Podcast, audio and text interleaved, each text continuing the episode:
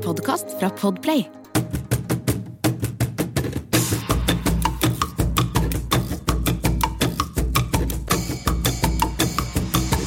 Hei og velkommen til Dødepodden, en podkast om livet med døden. Når vi dør, så er det vanlig å enten gravlegge liket, eller å kremere, altså brenne opp den døde. Det gjelder i Norge, det er de to vanligste formene for begravelsesritualer vi har her, men det gjelder jo også i resten av verden, egentlig, uavhengig av livssyn og religion og, og kulturell bakgrunn. Men det finnes jo alternativer. Man En kan- tredje vei. en tredje vei. Man kan for eksempel velge å bli spist av ville dyr. For eksempel gribber. For eksempel gribber. Det er det det handler om eh, i dag i Dødpodden. Jeg heter Vibeke Maria Viestad. Og jeg heter Andreas Viestad. Jeg jobber jo vanligvis med maten man spiser, men i dagens episode så skal det altså handle om å bli spist. Andreas, du har jo reist mye rundt eh, i løpet av et eh, ikke ennå så veldig langt liv, men eh, i løpet av ditt relativt korte liv har du reist mye rundt. Og jeg husker veldig godt da jeg traff deg, for da kom du fra Zanzibar, og da var det særlig en av de historiene derfra som fascinerte meg. Du fortalte om alle kråkene i Stone Town. Ja, eh, fordi Zanzibar er et sånn mytisk sted, en fantastisk eh, øy som ligger i Det indiske hav. Utrolig, utrolig vakkert, og den eh, hovedstaden som heter Stonetown er sånn den nydeligste sånn eh, 1001 natt-byen som du kan tenke deg. Eh, Og det er palmesus, og du kan se ut på havet, og det er fantastiske lukter. Men noe av det som er, er merkelig, er at det er kråker overalt. Og når man sitter på disse her små tehusene, eh, som er der hvor du liksom på toppen av, eh, av bygningene, hvor du har utsikt og hvor det alltid blåser en liten vind så det ikke blir for varmt, så ser man masse kråker som driver og hopper rundt på nabotakene. Altså, Og Det er jo ikke egentlig noe man som finner i tropiske strøk. nei, i hvert fall, så, så endte det opp med at jeg spurte min venn Emerson hvorfor er det så innmari mye kråker her, og så sa han jo det har du ikke hørt om eh, zoroastrerne. Nei, det har jeg ikke gjort.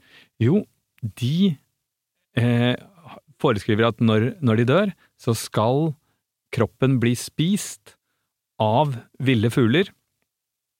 Og siden man i utgangspunktet ikke hadde noen rovfugler på Zanzibar, så har de da tatt med seg kråkene til Zanzibar som en del av sitt gravferdsrituale. Så zoroastrene var eh, en minoritet på Zanzibar, som kom fra hvor, altså, hvor kom de fra? Ja, det, jeg har, etter det så har jeg hatt litt mer med zoroastrerne å gjøre, faktisk. Eh, eh, jeg dro og reiste i Iran for noen år siden, og da var jeg i zoroasternes hellige by, Yazd, som ligger liksom ute i ørkenen.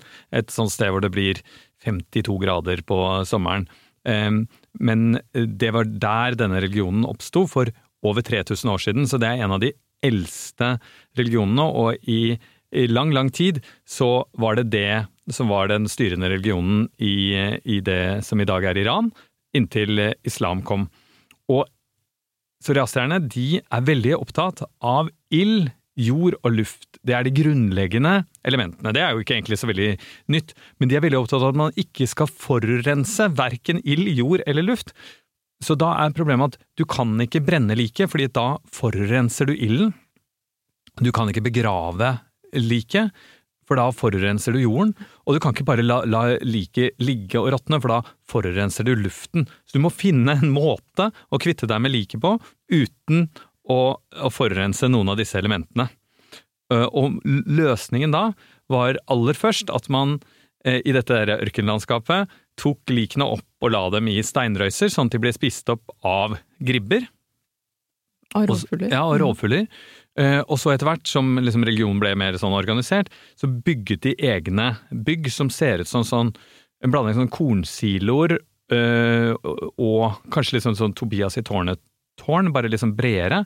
Kalles Stillhetens tårn.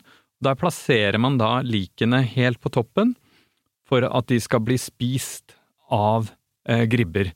Og eh, det høres jo ganske sånn eh, fremmed ut for oss. Men det er jo, når det funker, så er det jo helt utrolig effektivt. Ja, for, en, for gribber er eh, altså de, de er jo på en måte renovasjonsarbeid, naturens renovasjonsarbeidere. Ja. De kan jo spise De kan jo spise opp et lik eh, på, på noen få minutter, hvis det bare er, er mange av dem.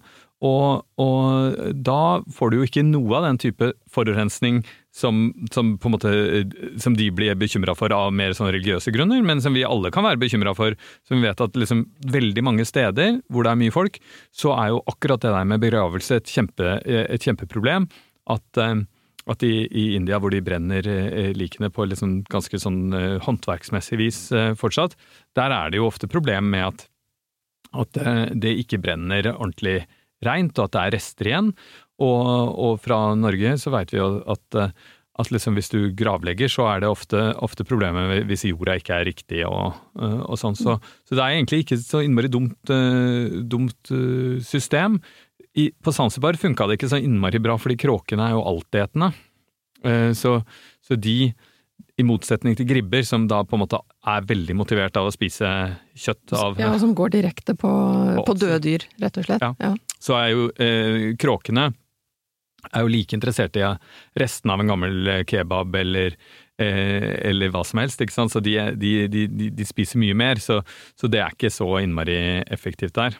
Så da, men da gikk praksisen ut, øh, altså ut av, ut av bruk, da, eller på Zanzibar? På Zanzibar, Hvordan er det der nå? Altså, Zoroastrerne, eller persere som de også kalles, de eh, var typisk sånn handelsfolk, og, og de kom til, eh, til Zanzibar fra, fra India, hvor det er en stor gruppe av dem. Um, og, og vi har jo vært sammen og sett på den gamle eh, eh, kirkegården, eller gravlunden, eh, som zoroastrerne har, og der har de et eget sånn stillhetens tårn, men det har ikke vært brukt på lang tid, men det er rett og slett fordi det er veldig, veldig få eh, zoroastrere igjen. Fordi de, de flyktet vel, de fleste av Ja, dem, i, så de har hatt noen revolusjoner og den ja. type ting.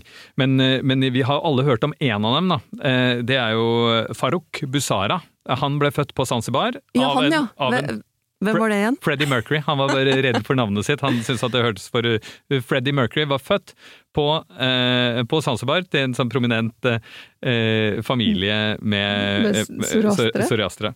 Men, men i hvert fall den største delen av de, de som eh, fins og er praktiserende zoroastere, de, de bor i eh, Mumbai, Bombay.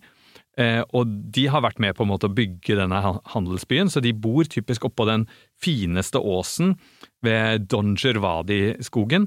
Og helt siden 1600-tallet så har de hatt et sånn stillhetens tårn der Inne i den skogen. Inne i den skogen. Så, så det har vært et vanlig syn.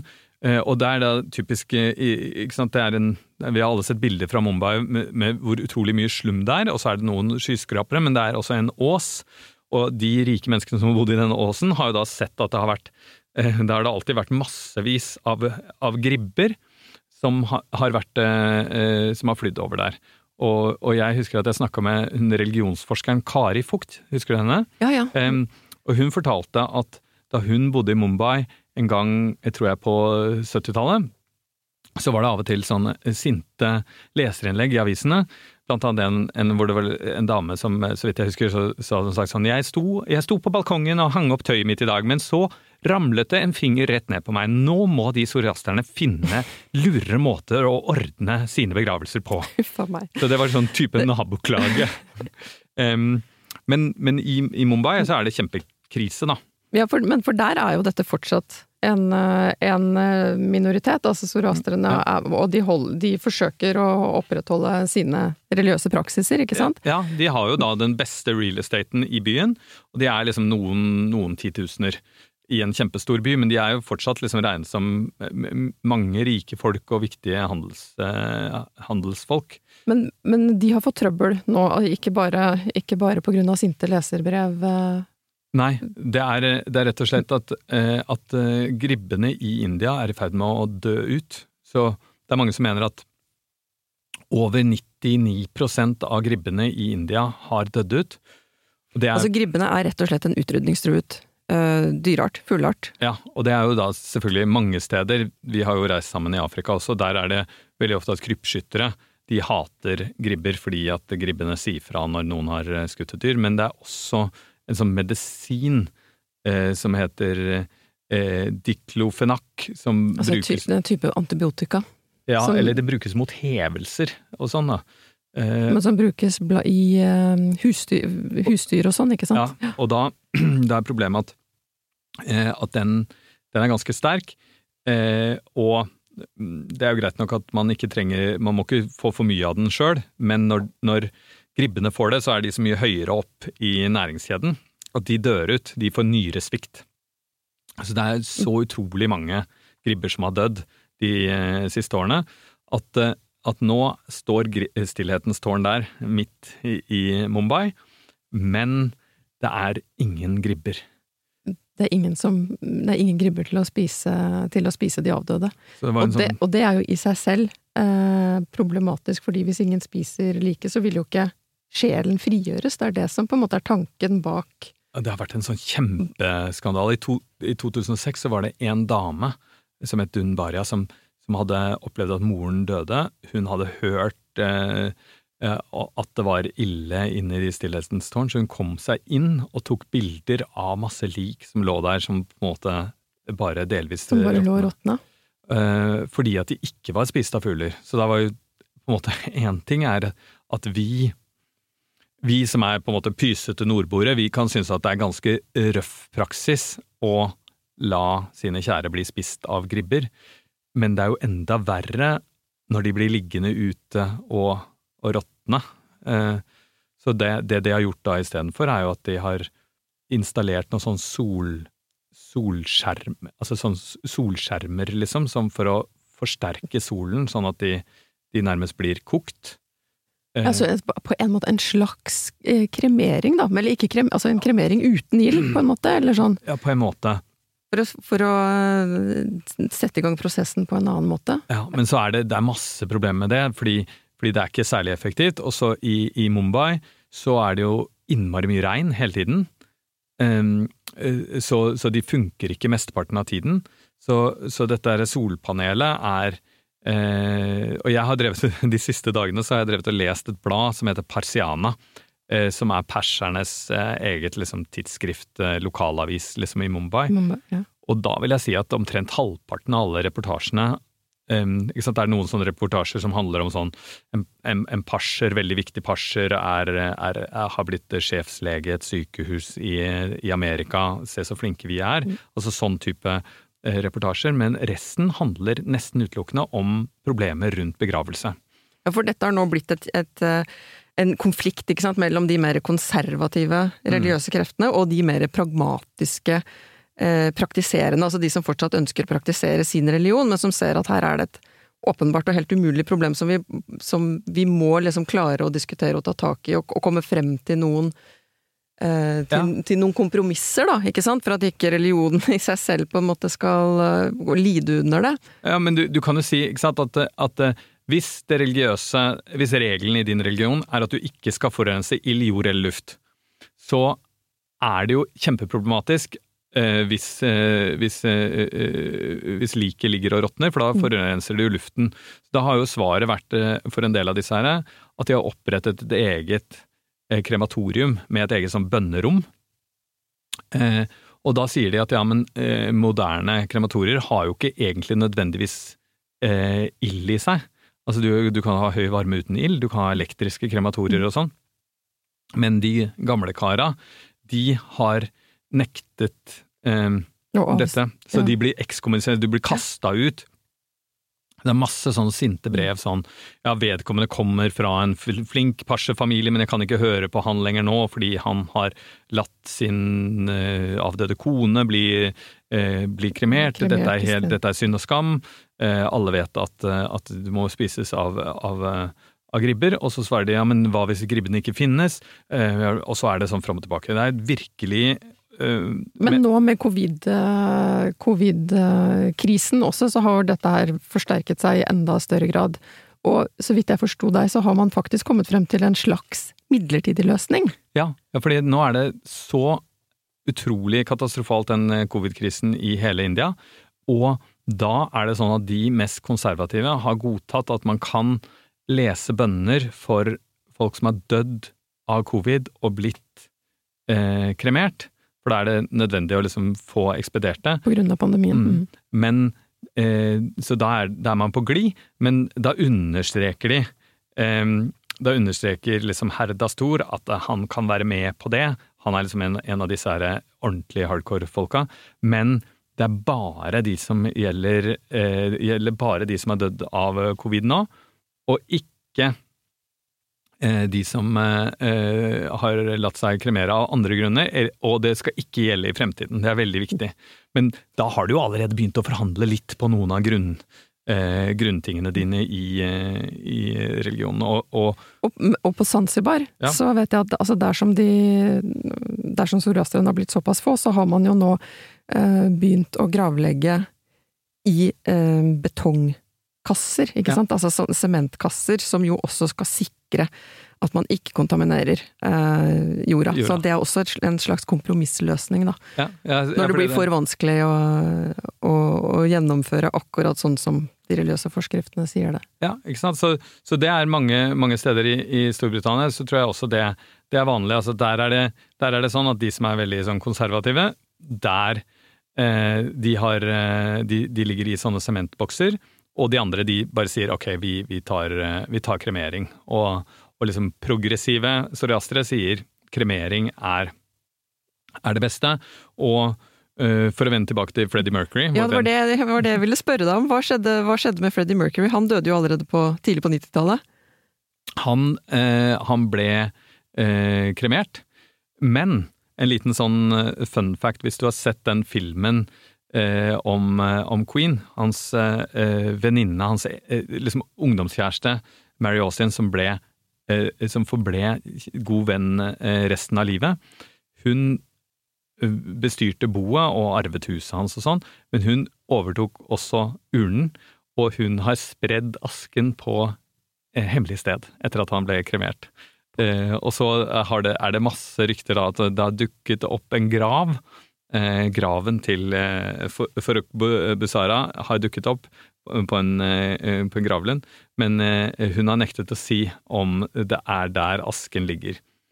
Men der var i hvert fall ingen, ingen gribber involvert i avviklingen av Freddie Mercury.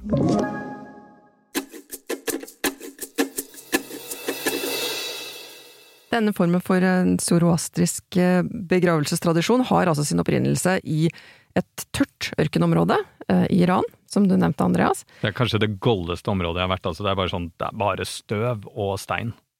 Skikkelig tørt, ikke egentlig noe ordentlig jordsmonn, sånn som man har her i Norge.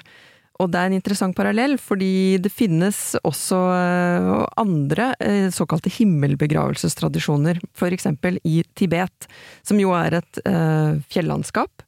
Det aller meste av Tibet eh, ligger over eh, tregrensa. Eh, også et sånn goldt landskap, ikke sant? Og det er jo noen som mener at det nettopp er bakgrunnen, kanskje, for denne formen for eh, begravelsestradisjon. Nettopp at det er ikke egentlig noe jord å gravlegge i, ikke sant? Eh, du har ikke egentlig noe, noe tre, eller altså noe, noe brensel, for å kunne lage et ordentlig likbål. Så den praktiske løsningen er rett og slett da å, heller på en måte gi noe tilbake Uh, ved å la den døde bli spist da, av, av gribber og, og rovfugler. Så, så det som på en måte for oss, da, uh, litt sånn sarte nordboere, så virker det å gi kroppen sin til, uh, til gribbene som, som helt sånn avsindig overtro på en måte, ikke sant? fordi at det er så annerledes enn det vi foretrekker, og at det er, må være styrt av en sånn en, en veldig sterk eh, religiøs irrasjonalitet, men opprinnelsen er kanskje da løsningen på et helt sånn praktisk problem. Du har ikke jord å begrave i, og du har ikke ved å brenne med. Dette er jo praksiser som er litt tabubelagte, egentlig. Altså det er en del mystisisme rundt det. Det er ikke sånn at man skal være med som pårørende, for eksempel, opp i stillhetens tårn. Altså man skal holde seg unna, man skal ikke egentlig se det. Nei, det er vel eh, på en måte en sak mellom den avdøde og, og Gud, og kanskje da presteskapet eller, eller sånn. da. Men hvordan er, hvordan er det i Tibet, da? Altså disse himmelbegravelsene? Det- For det finnes jo enkelte øyenvitnebeskrivelser. Ja, men ikke så innmari mange. Men det var en for et par år siden hvor det var en, eh, en eh, australsk eh, journalist som het Matthew Carney, som var, faktisk ikke var på oppdrag, han var på ferie med familien sin oppe i Tibet. Og da fikk, hørte han om at, at han var i et, dalføre eh, oppi, oppi fjellene som var i nærheten av Tagong, det vet ikke jeg helt hvor det er, men det er liksom helt nordøst i Sichuan. Eh, og eh, han fikk da høre at det var et område eh, hvor man kunne besøke, hvor det av og til fant sted sånne himmelbegravelser. Og da dro han opp dit med, med kone og tre barn, en seksåring og en elleveåring og en trettenåring. Og da fikk de da, ofte blir de jaget bort. Men i dette tilfellet fikk de vite at de kunne godt være der, og da beskriver han liksom ganske detaljert hvordan det var. At, eh, at det lå et eh, lik allerede eh, på en liten høyde, og han kunne også se at det satt hund, omtrent 100 eh, gribber rundt Mm. omkring på de nærmeste fjelltoppene. Og ventet på Ja, at de skulle bli ferdig med forberedelsene. ja, og så kom en sånn eh, en munk i sånn skarlagenfarget eh, drakt, og, og en hette over hodet, så vidt jeg forstår, eh, opp, og så eh, liksom løp han opp i en litt sånn dramatisk greie, og så tok han liket, og med en sånn slaktekniv delte det opp i mindre biter. Og det er jo ganske sånn eh, ganske brutalt. Eh, så han beskriver også reaksjonen litt fra barna, altså at, at liksom 11- og 13-åringen satt sånn, ganske sånn fjetret, mens 6-åringen eh, satt med iPaden og løftet aldri blikket, og de tenkte nei, men nå skal vi for en gangs skyld ikke rette på denne se eh, seksåringen som sitter og er så innmari sånn skjermslave, for kanskje han er litt for ung. Men i hvert fall denne her eh, Rogipassen, som er, som er navnet på den, eh, den som eh, kalles dødeknuseren, som har en sånn viktig seremoniell rolle.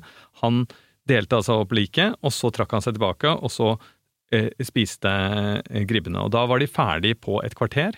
Da var det bare bein igjen.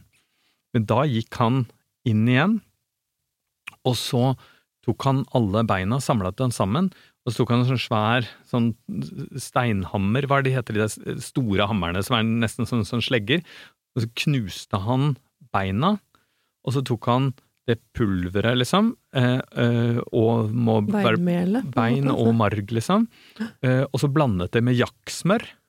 Du vet sånn jakkoksesmør? Ja, altså jakkoksesmør? Ja. Mm. Og så lagde han sånne baller som han kastet opp i luften. Som jo må være litt sånn som de sånne baller som vi gir til meisen, sånne meisballer, på en måte. Og så spiste de opp det, og da var Da var hele, hele kroppen borte. og, og det man kan si, er at hele ideen eh, også hvis vi ser på denne for oss veldig sånn fremmede praksisen, hvis man tenker at en grunnstamme da i, i sånn buddhistisk eh, tankegang er at, eh, at sjelen vår er fanget i kroppen, Mm. og at det er om å gjøre å slippe unna kroppen, så er dette den perfekte måten å, å å la kroppen forsvinne helt og totalt.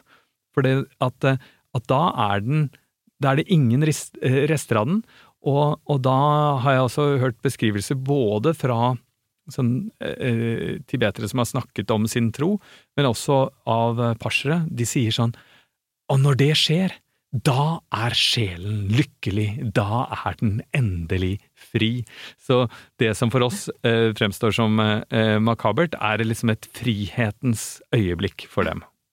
Jeg har jo også kommet over eh, en, eh, et lite tidsskrift som ble utgitt eh, av en nepalesisk organisasjon for, for bevaring av fugler, deriblant gribber, som jo er utrydningstrua.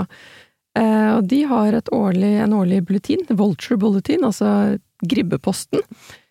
Og i fjorårets Gribbepost så var det en liten artikkel som også tok for seg dette ritualet med himmelbegravelser som som eh, en eh, som eh, en act of compassion, altså noe som var eh, positivt, gir noe tilbake En sånn til nestekjærlig relasjon mellom gribbene og menneskene, Ja. nesten. Ja, ikke sant? Der, eh, der menneskene ved å opprettholde denne praksisen av himmelbegravelser gir noe tilbake til naturen, og sørger for at disse utrydningstruede fuglene eh, kanskje har, eh, har selvoppholds... Eller altså har, får muligheten da, for, å, for å overleve i det som er vanskelige Ja, og de åpnet vel til og med for muligheten for en sånn type økoturisme. At, eh, at mens, eh, mens liksom folk som tidligere var opptatt av miljøvern, bare var opptatt av panda og søte dyr, så er det blitt en økt bevissthet om at for at man skal ha en bra natur, så må vi også ha den type dyr som vi er liksom redde for, som haier og gribber.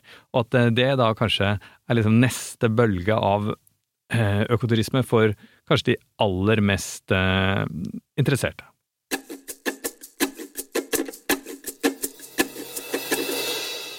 Denne formen for himmelbegravelser, det er jo en arkeologs eh, verste mareritt. Altså når eh, selve liket er forsvunnet, det har blitt spist. Ja, for det har vi snakka om tidligere, at dere er veldig glad i sånn Når vi har snakka om den, de utrolig dårlige de det dårlige jordsmonnet som er eh, i Oslo og flere andre steder, så, så er det en, en, Det liker vi, ikke ja, sant? Det, da er det, det, det kaller dere gode, gode, bevaringsforhold. Da er det gode bevaringsforhold. Da er det da er det mye igjen å, å, finne og grave opp, mens eh, etter en himmelbegravelse så er det jo, er det jo ingenting, ingenting. Eh, å ta i. Mm. Eh, så, så, så, om dette har vært en tradisjon eh, i Norge, da, for eksempel for lenge siden, ja, det kan vi ikke egentlig Det kan vi egentlig ikke si noe om. Eh, men vi finner jo noen ganger bein, eh, altså menneskelige levninger, skjelettrester, som helt beviselig har blitt gnagd på, altså som har blitt spist på. Mm. For eksempel, i Alken enge i Jylland i Danmark, så ble det for noen år siden funnet eh, det som jo egentlig kan karakteriseres som en massegrav. Altså ble funnet masse, masse skjelettdeler etter det som i all hovedsak har vært unge menn. Unge Altså siste delen av tenåringen og begynnelsen av liksom voksen alder. Eh, som har blitt samlet opp og kastet i elva. Kastet i vannet. Og det er helt tydelig at dette har vært krigere. De har vært ute og slåss. Man kan se at de har skader på, på beina eh, etter økse, øksehugg og, og spydespisser og pilespisser. Eh, men det som også var veldig spesielt da, med de beina, er nettopp det at de har blitt eh, på en måte rasket sammen og samlet opp fra et sted og kastet ned i elva. Og i mellomtiden så kan man nettopp på grunn av alle de merkene som man ser etter tenner, mm. eh, se at, eh, at, eh, levningene, altså kroppene, eh, har antageligvis ligget i åpent, fritt lende, i mellom seks til tolv måneder. Altså fra et halvt, minst et halvt år, da, så har de bare ligget Kanskje på det som var slagmarken, da, kan vi jo tenke oss, ikke sant? Og så har noen kommet tilbake og, og liksom de har tenkt ja, disse her er finnene våre, de fortjener ikke en ordentlig begravelse, men så liksom etter et halvt år eller et år så begynner du å tenke sånn vi, vi må jo begynne å ferdes i dette området, vi kan ikke liksom måtte gå, gå og tråkke over lik hele tiden og sånn. Ja. Men da hadde reven og grevlingen og ulven og villsvina vært bortpå. Vært og, og rensa bena først. Og, og om det også var en helt sånn bevisst handling, altså at man, at man, helt med vilje lot det ligge der for nettopp for at det skulle spises av. Det, det, kan vi vel kanskje ikke si, men det vi jo også ser, da, er at disse benene har jo blitt uh, har jo på en måte blitt etterbehandlet, ikke sant. Før de ble kastet i elva, så har man antagelig hatt egentlig ganske omfattende ritualer. For eksempel så kan man se uh, at det er et lårben som har blitt tredd igjennom fire hofteben, altså der hvor man har tatt fire hofteben fra fire ulike individer, tredd det på en en eh, påle, rett og slett. Så det er på en måte det er, det er, er mye som har skjedd her, da, som vi ikke, som vi ikke helt vet uh, hva bakgrunnen har vært for. Så, så Men, mens man på en måte kan si at, eh, at hele målet, selv om det er annerledes enn oss, så er målet med perserne og disse tibeternes uh, ulike begravelsesritualer er jo en, det de anser som en verdighet for de døde, så er kanskje her poenget nettopp det motsatte. At du skal straffe den døde ved å herje litt med, ja, med I den sammenhengen her så kan, vi, så kan vi tenke oss det. Det jeg også syns er litt morsomt, da, i, i, historiske kilder, eh, så vet vi jo altså, Så står det heller ikke noe spesifikt om himmelbegravelser på den måten, men Eh, vikingene var veldig glad i det vi kaller kjenninger, altså omskrivninger, rett og slett. Poetiske omskrivninger. Eh, for å, i stedet for å på en måte si ting helt sånn direkte, mm. eh, som det var, så skrev man eh, på en måte litt mer poetisk og vakrere, da. Eh, om det man ønsket å, å, si noe om, særlig norrøn poesi og sagalitteraturen. Og det er eh, en kjenning som man blant annet finner på, på runesteiner, minnesteiner, etter falne krigere. Eh, som har dødd i austre led i, eh, i Østen. eh, så står det hvordan noen av disse krigerne da matet ørnen i Austerled. Og det betyr altså ikke at man selv ble spist, men at man var i Austerled og drepte sine fiender. Ja, Og på den måten altså da ga mat til ørnen. Du, åh, bare en, det minner meg om én ting til. Jeg er sånn, søkker for sånn gresk mytologi. Og han ildens gud, eh, Prometheus, han ble jo på et tidspunkt Han var jo i utgangspunktet udødelig, men han ble eh, på et tidspunkt straffet av Sevs. Eh, og da ble han eh, straffet ved å, å, bli på en måte spikra fast til en fjellvegg. Og der kom en ørn og spiste leveren hans hver dag. I mange hundre år, tror jeg. Inntil han, eh, han ble tilgitt og, og, og frigjort. Så det, det er kanskje ikke akkurat begravelse, men det er jo noe noe, noe av det samme. Hva er verst, egentlig?